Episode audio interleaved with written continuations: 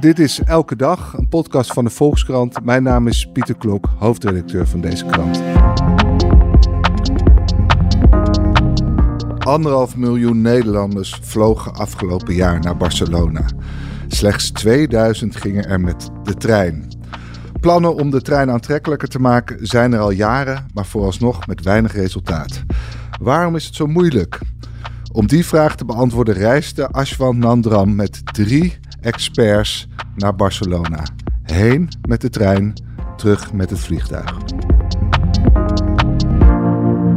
Ashwant, uh, nou, jij bent, dus, uh, jij bent dus met de trein naar Barcelona gegaan. Was dat de eerste keer? Het is de eerste keer dat ik, uh, dat ik met de trein naar Barcelona ben gegaan. Inderdaad, ik heb er volgens mij wel één keertje eerder ben ik er met, met het vliegtuig heen geweest. Maar nooit eerder zo'n lange treinreis door Europa überhaupt gemaakt. En, en hoe beviel dat? Nou, ik moet zeggen, beter dan verwacht ik had ook wel wat te doen. Hè? ik, zat, uh, ik zat naast drie, uh, uh, zoals die, die, drie mensen die, ze, die wij experts zouden noemen, mm -hmm. maar die zichzelf toch nerds noemden. Ja. En die konden twaalf en een half uur, zo lang duurde de reis, konden maar niet uitgesproken raken over het spoor en wat er, wat er goed ging en ook wat er, wat er minder goed ging. Dus ik en, en de fotograaf die keken daar met veel bewondering en, en plezier naar. Want het waren treinnerds met wie je op stap was. Nou, ik, enig, met enig eerbied moeten we zeggen dat we een wetenschapper, een, een ondernemer, uh, die, een, een, een, man die een eigen spoorbedrijf heeft en een innovatieadviseur hadden gevraagd.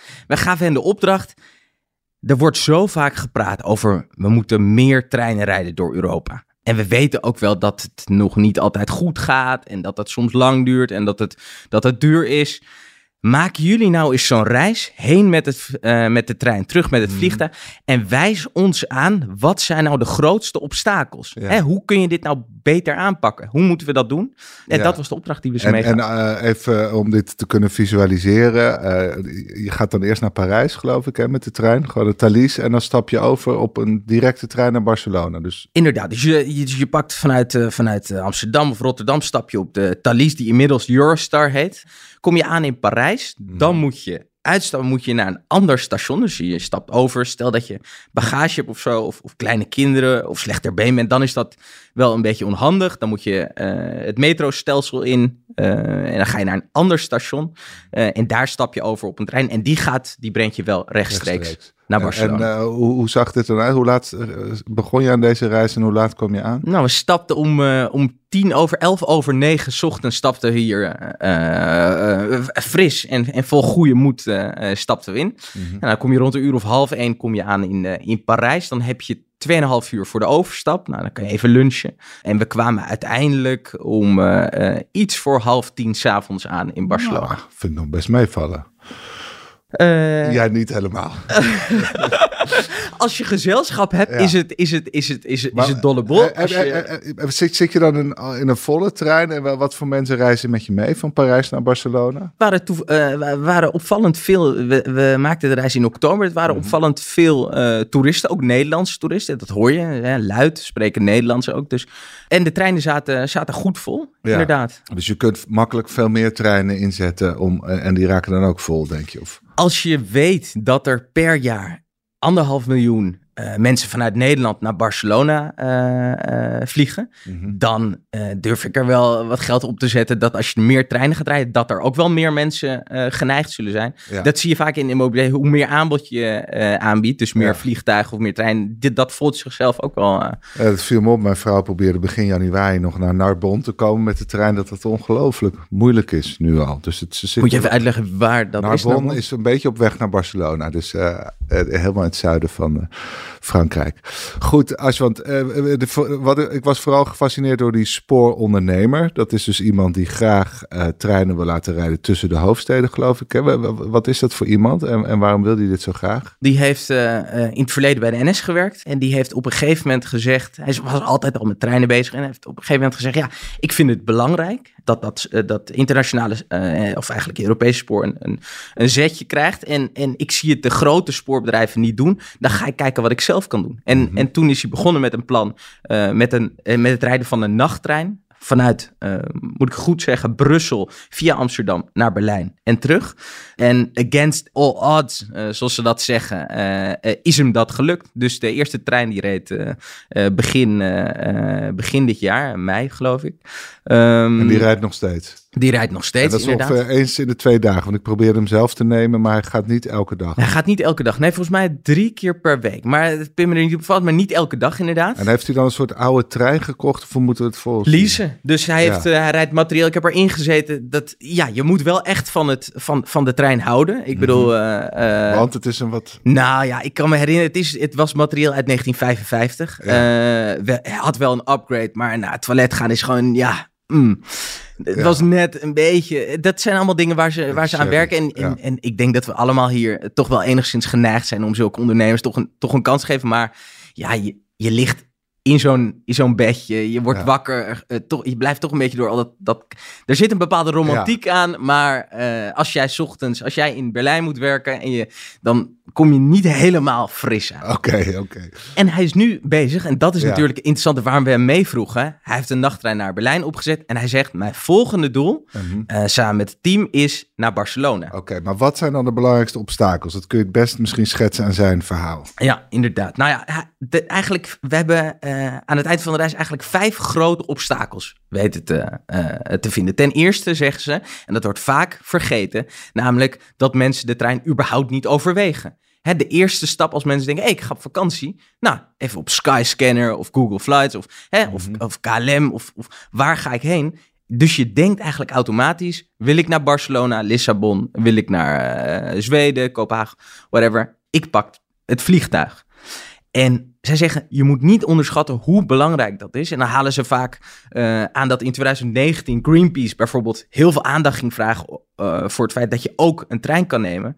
En dat daarna je in heel Europa zag dat er meer treinkaartjes werden verkocht. Dus we denken er gewoon niet aan. We denken er niet aan. En een van de uh, deskundigen die mee was, de innovatieadviseur, uh, die zei: Nou, wat je bijvoorbeeld kan doen, er zijn gewoon innovatieve manieren om dat, om dat meer uh, mensen dat bewustzijn te vergroten. Dus bijvoorbeeld, stel dat jij nu elke dag in, in een NS-trein zit, dat je automatisch punten spaart, die je dan in kan zetten op een internationale treinreis. Ja, dat dus is, daar zijn marketing trucs zijn voor. Marketing maar dat is het eerste obstakel. Ja. Eén, gewoon uh, het zit niet in ons hoofd. Nee, zorg... Tweede obstakel. Tweede obstakel. Nou ja, de reis is niet altijd goed te boeken. Toevallig, de reis naar, naar Barcelona ging, ging best goed. Hè? Uh, NS International, die, die verkoopt daar kaartjes voor. Dus het kan gewoon in het Nederlands. En... Maar stel dat jij een ander traject hebt. En een van de dingen die werd, uh, voorbeelden die werd gegeven, Heer Hugo Waard, mm -hmm. Valencia dat, dat kan je al niet boeken. Dat, althans, het kan wel, maar het is buitengewoon ingewikkeld. Je moet precies weten bij welke spoorvervoerder klop je aan. Want je, je moet reist... allemaal losse kaartjes kopen. Je moet allemaal losse kaartjes kopen. Je reist namelijk met vier verschillende vervoerders dan. Je wil eigenlijk toe naar een soort... En, er wordt vaak gesproken over een soort boekingssysteem. Ja. En die ondernemer legt uit... Je moet niet Europa vragen of, of, of de NS vragen, bouw een boekingssysteem. Je moet zorgen dat die data aan de achterkant van de systemen... Mm -hmm gedeeld worden, waardoor de techgiganten vanzelf, weet je wel, of ja. een slimme ondernemer zegt, nou, ik ga een websiteje bouwen, uh, zodat ik inderdaad wel dat ticket... Ja, maar, de, maar de spoorwegmaatschappijen zijn dan bang dat, dat die dan ook met groot deel van de winsten vandoor gaan, toch? Ja, de wetenschapper die zegt, nou, die, die zijn daar helemaal niet mee bezig met, uh, met, met, met iemand die vanuit Heergewaard naar Valencia wil rijden, want de NS wordt bijvoorbeeld afgerekend op het feit dat zij in Nederland gewoon goed alles moeten zorgen dat jij naar je ja. werk komt. Die ondernemer is iets sceptisch en zegt, ja, dit, dit zijn ook gewoon commerciële belangen. Dit zijn bedrijven die proberen hun territorium een beetje af te bakenen. Dus die zijn niet snel ge geneigd om, uh, uh, om data te ja. gaan delen. Want die zijn bang dat bijvoorbeeld Booking straks uh, een geweldig platform bouwt. Die kunnen dat als geen ander. En dat je dan straks krijgt dat, dat, dat Booking zegt... nou ja, NS, jij moet straks een x percentage afdragen aan ons. Ja, dus het kan meerdere oorzaken hebben. De spoorwegmaatschappijen zien er niet echt het belang van in, want die worden vooral afgerekend op het binnenlands vervoer. Maar als ze het belang wel zouden zien, dan zijn ze misschien bang dat uiteindelijk een techgigant er met uh, het, uh, het rendement vandoor ja. gaat. Ja, en dat is ook de reden dat bijvoorbeeld Europa uh, kwam met uh, wetgeving om ze daartoe te verplichten. Nou, dat is nu weer uitgesteld tot 2031. Om die data 32. te delen. Ja, ja. Tot 2031. 32. Jeetje, gaat Op zijn vroegst. Wat gaat het langzaam. Dat was het tweede obstakel. Het derde obstakel. Ja, het kaartje is duur. Uh, ja, ik zat, ik zat vanochtend nog even te kijken naar wat, wat zijn nou de prijs. Stel dat jij nu naar Amsterdam, hè? Amsterdam, Londen over zes weken. Als jij de trein zou willen boeken, dan betaal je 132 euro. Mhm. En het vliegtuig uh, 54 euro. Ja. Barcelona over zes weken. Hè? Dus dan hebben we het na de kerstperiode enigszins rustig. 172 euro met de trein. 58 euro met, uh, met het vliegtuig. Ja. Maar er zijn een heleboel mensen dat, dat die denken... ja, dat is. gewoon veel te groot. Dat, dat kan ik niet betalen, dat wil ik niet betalen je kan twee kanten op redeneren. Mhm. Ten eerste, er is gewoon te weinig aanbod. Hè? Dus je, je kan 10, 11 keer per dag vanuit Amsterdam naar Parijs. Dat gaat nog wel regelmatig. Het is één aanbieder dat, die dat aanbiedt. En op zijn goedkoopst is dat 35 euro. Maar de trein die doorrijdt naar, uh, die, naar, vanuit Parijs naar Barcelona, dat is twee keer per, uh, uh, per dag. Dus, dus die, die ondernemer die kijkt natuurlijk met een vrij commerciële blik. Die zegt, en die wetenschapper trouwens ook, zorg nou dat je meer aanbieders hebt. Hoe meer partijen daar treinen gaan rijden, hoe meer je uh, ja, hoe meer aanbiedt, hoe lager. Want die gaan met elkaar concurreren. De ja. prijs gaat omlaag. Tegelijkertijd. Wa waarom doen ze dat eigenlijk niet? Waarom, waarom geven ze het niet veel meer vrij? Dat ze zeggen: iedereen die naar Barcelona wil rijden, die, die uh, kan zich bij ons melden. Ja, nou, dat is in de, in de luchtvaart is dat gebeurd in de jaren negentig. Ja. Die markt is opengegooid en daar zag je, je ziet nu Ryanair en, en, en EasyJet en zo de Europese spoormarkt, dat is ook iets wat Brussel graag wil uh, met de trein. Maar ja, uh, lidstaten liggen dwars. Uh, om een voorbeeld te geven, ook de Nederlandse markt is tot, ook dit jaar nog tot en volgend jaar nog, zit gewoon op slot. De NS is de enige die het recht heeft om internationale treinen uit te baten. Ja, maar nog even, zijn we nu al sluipende wijze naar het vierde obstakel gegaan of zitten we nog steeds bij het obstakel? Nee, we zitten nog steeds bij het, het kaartjes te duur. Ja, ja. ja. En dat en, komt mede omdat er geen marktwerking is. Omdat er geen marktwerking is. Ja. ja. Of geen vrije markt, eigenlijk beter gezegd. Nee. Terwijl de luchtvaart op een gegeven moment had je die prijsvechters die mochten op elke bestemming ja. vliegen. En toen werden anderen ook gedwongen hun prijzen te verlagen. Eigenlijk zou je dus het spoor een soort gelijk mechanisme gunnen. En het is wel interessant, want vanuit dat nationaal perspectief is er heel veel weerstand tegen deze marktwerking. Dan staan de spoorvakbonden op hun achterste benen. Linkse partijen ook heel, heel hè, marktwerking direct als een soort rode lap. Uh, werkt dat. Terwijl ja, zo'n wetenschapper, maar ook zo'n ondernemer zeggen: ja, je moet zien, kijk wat er in de luchtvaart gebeurt. Ja. Die prijzen gaan omlaag. Maar misschien dat is vaak het, uh, het probleem deze discussie. Het wordt heel erg absoluut gevoerd. Wel of geen marktwerking. Terwijl ja. je best kan zeggen op sommige terreinen marktwerking. Ja. En op andere misschien niet. Ja. Ja. Maar de spoorwegvakbonden staan niet vooraan om deze... Helemaal niet. Nee. En het, het is ook genuanceerd verhaal hoor. Want, want marktwerking is goed, wordt er gezegd. Maar dan moet je wel een bepaalde regie houden. Oké, okay, uh, derde obstakel de prijs. Vierde obstakel. Ja, de reis duurt lang. We hebben 12,5 uur in, uh, in de trein gezeten. Het was gezellig. Ik bedoel, ja. je hebt mooi uitzicht en zo. Maar ja, ja dat is... Ik bedoel, je wil... Je had wel heel mooi uitzicht. Hè? Vooral het laatste stukje beschreef je. Als je daar zo uh, naar die Pyreneeën gaat. Ja, ja, ja, schitterend. Flamingo's. Okay. dat had ik niet verwacht. Maar, maar daar komen we zo op, die beleving. Want ja. dat, dat, dat, dat, dat is mooi. Maar ik bedoel, hoe je het went of keert, zelfs als je het voor- en natransport hè, beschouwt, gewoon van, van, van huis, inchecken, al dat, dan is, de, is zo'n vliegreis is, is, is zes en een half uur duurde, duurde dat in ons geval. Ja. En een trein, als dat twaalf en een half uur is. is. minimaal twee keer zo lang. Ja, en toen kwamen ze wel met een, uh, met een aardige oplossing, die ondernemer. Die zei, nou, wat als je nou gewoon puur, kijk je, idealiter stap je in in Amsterdam, stap je uit in Barcelona. Dus doe je die overstap in Parijs niet. Dat scheelt al. Dan ga je van 12,5 uur ga je naar 9 uur. Mm -hmm. Om en dan bij 9 uur. Nou, het scheelt al wel uh, uh, drie uur. Ja. En dat zou je dan kunnen bewerkstelligen door om Parijs heen te rijden. Uh, dus dan ligt al spoor? Of moet je dan daar ligt al spoor. Okay, ja, dus gewoon, gewoon technisch kan dat. Het probleem is dat, dat en dan kom je weer met wij, wij denken uh, het, het, spoor, het, het, het, ontwerp en zo, dat, dat bekijken we heel erg vanuit een uh, nationaal perspectief. Dus de Fransen, die zullen dat op allerlei mogelijke manieren proberen te dwarsbomen. Want die vinden, Parijs is het, is het, is het centrum en dat van zijn hun TGV's. Ja. En dan kunnen andere TGV's maken dan geen kans, nee. zolang het zo is. Nee. Oké, okay, maar, maar gaf hij zichzelf kans? Want hij wil dit dus toch? Hij wil van Amsterdam naar Barcelona uiteindelijk met de ja. sneltrein? Ja. ja. En dan hij, moet hij kijk, ene hij sneltrein gaat... op de kop tikken. Is dat eigenlijk makkelijk? Nou, hij wil met de nachttrein. Alweer met zo'n een uit 1955. Ja, ja, Ja? ik vrees van wel. Maar ja, dan kun je dus, dan ga je slapen in Amsterdam en dan word je wakker in Barcelona Ja. zonder over te stappen. Ja, dat is al winst. Hè? Ik bedoel, Ja. het is 1955, het is, maar het is al, er rijdt nu geen enkele directe. Oké, maar je kan die reisduur dus iets verkorten door die rare overstaps eruit te halen. Wat, wat kan je nog meer doen om het... eh, Nou, kijk, het spoor om, om hoogsnelheidslijnen, dat ligt er al. Dus je hoeft Mhm. voor de rest niet zoveel te doen. Je zou hooguit nog kunnen zeggen, maar dat vond die eh, ondernemer, ik heb dat geholpen, maar dat vond hij een stom idee. Die- Ik zei, nou, waarom doe je niet gewoon, als je weet dat er, hè, een, een vliegtuig stopt ook niet overal. Eh, die, die, die van- stijgt op in Amsterdam, landt in Barcelona. Ja. Waarom zou je niet, als je weet dat er anderhalf miljoen mensen per jaar daarheen, eh, Ja. dat is 4000 mensen per dag, waarom zou je niet gewoon één rechtstreeks trein daar naartoe? eh, Zonder tussenstop. zonder tussenstop. Ja. Dan, stop je, dan sla je allemaal stations over. Maar ja, hij denkt natuurlijk commercieel. Dus hij zegt, ja, maar hè, stel dat iemand in, in Antwerpen op wil stappen... en die wil ook naar Barcelona. Je wil die markt zo breed mogelijk houden. Dus dat zouden nog manieren kunnen zijn om het Ja. nog... Ja, maar dan heb je misschien nog eerder grotere volumes nodig. Ja. Dat komt op enig moment vanzelf. Ja, Vijfde obstakel. ja, de beleving, die wordt nog te weinig uitgebreid. Het is best prettig. Ik, ik bedoel, ja, volgens mij heb jij vaker lange treinreizen gemaakt dan ik. Dit was mijn eerste lange trein. Ik was redelijk onder de indruk. Ik vond het, het ik, flamingo's vanuit de trein zien. Ja. eh, glooiende berglandschappen en zo. Je ziet langzaam het land ook veranderen. Ja. Dan krijg je van die, van die, van die fanatiekelingen die aan boord die dan vertellen. Ja, vroeger dan pakt hij, weet je wel, dan ben je 30 uur onderweg. Maar dan heb je echt het gevoel dat je, dat je op reis bent en zo. Ja. Nou ja, het is een aangename ervaring. En toen moest ik denken aan mensen stappen als zij een cruisevakantie boeken. Dan stappen zij niet eh, aan boord omdat ze denken dat ze ergens sneller aankomen. Nee, het feit dat ze op een schip zitten is al onderdeel van de reis. Ja.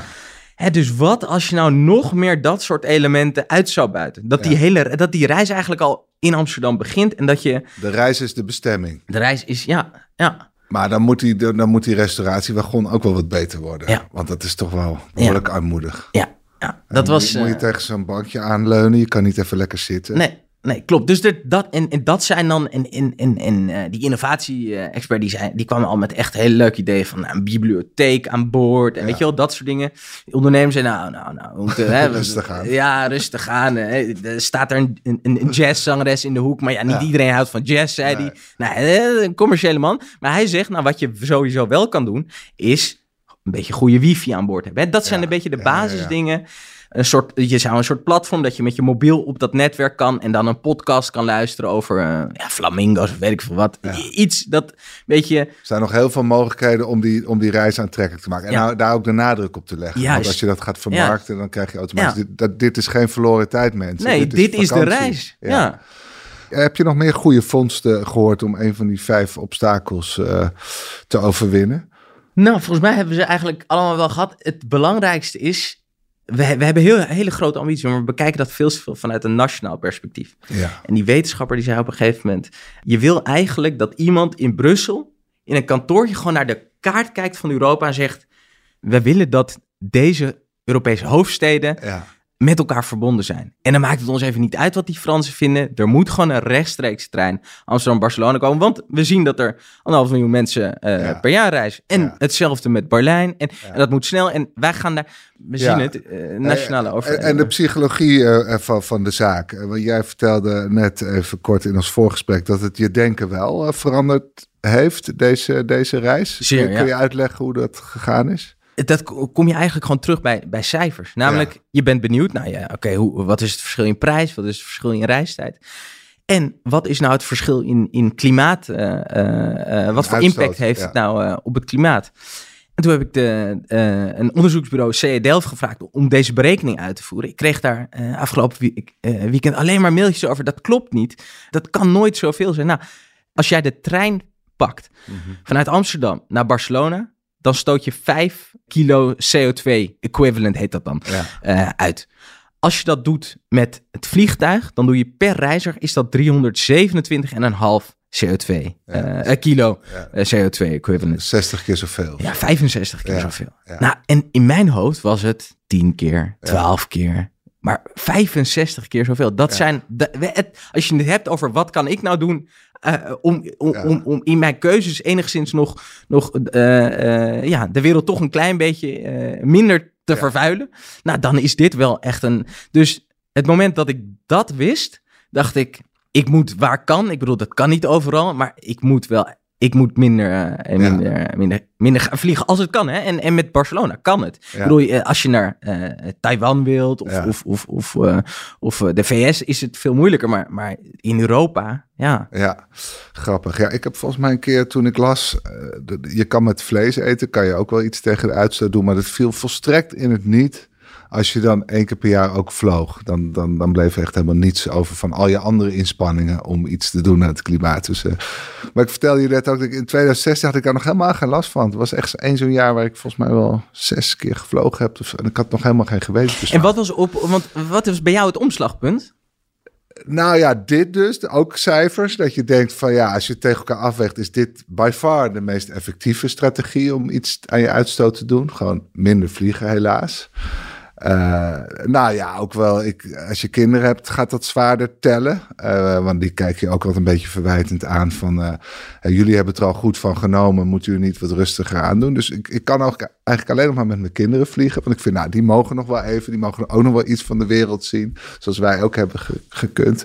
Maar alleen vliegen, ik denk dat ik dat niet meer zo snel doe voor vakantie. Misschien nog wel voor werk, maar nee, op een gegeven moment wil je het gewoon niet meer. Ja, het is heel gek. Ja. Dus ik, ik, het kan me voorstellen dat dat op een gegeven moment wel uh, breder uh, zou worden ervaren. Nou, uh, maar dan moeten we het bijvoorbeeld ook hebben, want die innovatie-expert die denkt dan wat, wat breder van, oké, nou, hè, in, het betekent niet, zij vliegt overigens sinds 2019 niet meer. En, en, en dus die, die vloog ook niet terug. Die, die pakte de trein weer terug. En die zegt, maar dan moet je dus... Maar die was zo principieel, die zegt, ik ga nooit meer vliegen. Uh, nou, die zegt, mijn broer woont in Australië. Dus ik vrees dat ik wel ooit... Maar, maar als ik dan ga vliegen... Hè, dus, dus er zit een nuance, het is nooit zo zwart-wit. Zij zegt, als ik dan ga vliegen, dan blijf ik er langer. Dus dan, dan blijf ik er twee maanden bijvoorbeeld. Ja. En zo zouden we eigenlijk ook kunnen denken van oké, nou, een, een, weekend of een midweek Barcelona, ja, dat is misschien niet verstandig. Dan moet je de trein pakken. Maar als ik echt graag naar, naar, naar, naar, naar de VS wil, dan blijf ik ook een poosje. Ja, zo'n uh, plicht om lang te blijven. Maar zij is dus in haar eentje, gewoon de volgende dag toen jullie in het vliegtuig gingen, is zij uh, ja. terug. Want, want je beschreef ook die vliegervaring, ja, wat korter dan de treinervaring, omdat die misschien wat bekender is ook. Maar als je nou zegt, wat, het kostte minder tijd te terugvliegen, of het was veel goedkoper. Maar als je die twee ervaringen nou in zijn geheel naast elkaar houdt. Nou, er was op, was op een gegeven moment een moment dat we in het vliegtuig, uh, uh, de twee mannen die meegingen, de wetenschapper en de, en, en de ondernemer, die met enigszins met tegenzin ook, want die proberen ook uh, minder, te, minder te vliegen, maar die zeiden, nou, voor het verhaal moeten we wel gewoon mee. Ja. Nou, en dat uh, vol goede moed, maar dat, dat, dat, zakte eigenlijk al direct weg op de luchthaven. Want dus ik stapte vrolijk de trein binnen met een, met mm. een koffietje in hun hand en zo. Nou ja, en daar werden ze, zoals ze dat zelf noemen, getrakteerd op een beestachtige behandeling. Namelijk, ze moesten een riem af en door zo'n eh, gefouilleerd. En dat is een hele andere, andere beleving natuurlijk. Veel minder rijk. Veel minder rijk. En ja, je, en op een gegeven moment, nou ja, die, die wetenschapper is, is 1,92. Dus die, die moest zichzelf in zo'n Welling stoeltje vouwen. Ja. Uh, want ja, daar wordt gewoon beknibbeld. Uh, dat, dat is wat die prijsvechter doet.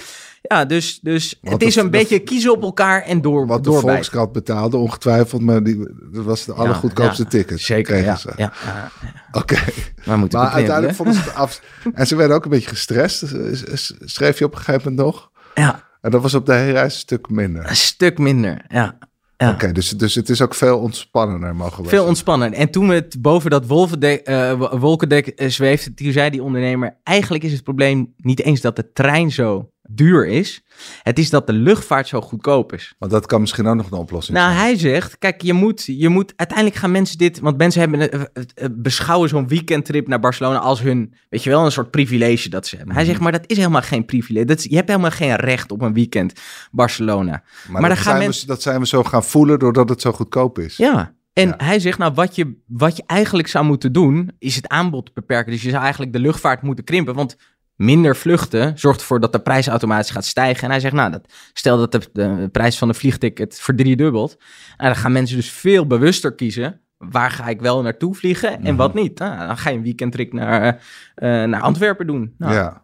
En heeft de Amsterdamse problemen ook meteen opgelost. Met Ja. al, die, al die Britten in het weekend. Ja. Goed, eh, eh, dus eh, dat, dat is misschien nog wel de meest effectieve strategie. strategie vliegen onaantrekkelijker Ja, maken. maar er is, er is, nou, in Nederland zie je dat wel. Er zijn steeds meer politieke partijen die bereid zijn om, dat, om, om de luchtvaart een beetje aan, aan banden te leggen. Of in ieder geval kritisch daarop te, op te zijn. Maar ja, dat zie je. Hè, Spanje bijvoorbeeld, of Griekenland, andere Europese landen hebben een hele andere band met de luchtvaart dan wij dat hebben. Eh, die zijn afhankelijk eh, voor Ja. een groot deel van de economie, van, van toerisme. En, eh, dus die gaan nooit zulke vergaande maatregelen steunen. Nee, goed. Ik had, ik had een keer toen ik met de auto naar Griekenland ging. Toen was ik echt, echt de enige met een Nederlands nummerbord. Terwijl er heel veel Nederlands waren, maar die waren natuurlijk allemaal gevlogen. En werd je aangesproken? Ja, dat vonden ze heel raar. Dat ik daar met een auto met een Nederlands eh, nummerbord rondreed. Maar ik kan het ook iedereen aanbevelen. Kostte me ook anderhalve week, maar het was een geweldige reis. Nou, dat is ook wel een element. Stel dat we op andere manieren moeten gaan reizen, dan betekent het ook dat werkgevers, hè, je bent mijn baas, ook op andere manieren moeten gaan kijken. Oké, nou, hè, iemand, iemand eh, eh, gaat dan eens in de zoveel tijd, maar dan lang op vakantie. Ja. Of oké, nou, we vinden het belangrijk dat iemand de trein pakt, maar ja, dan is hij wel vier dagen langer. Krijg je een extra vakantiedag. Bij deze, als, je, Kijk, kijk. als jij volgende keer niet meer vliegt. Ja, maar dan kan je gewoon werken in de trein, toch? Bedoel je? Ja. Oké. Eh, mag ik je heel erg danken voor dit mooie verhaal. En u luisteraar, dank voor het luisteren naar de Volkskrant Elke Dag. Deze aflevering werd gemaakt door Lotte Grimbergen, Julia van Alem en Rinky Bartels. Wilt u de Volkskrant steunen? Dat kan, vooral door een abonnement te nemen. En dat kan u voordelig via volkskrant.nl slash podcastactie. Want deze podcast is gratis, maar onze journalistiek is dat niet. Morgen zijn we er weer. Tot dan.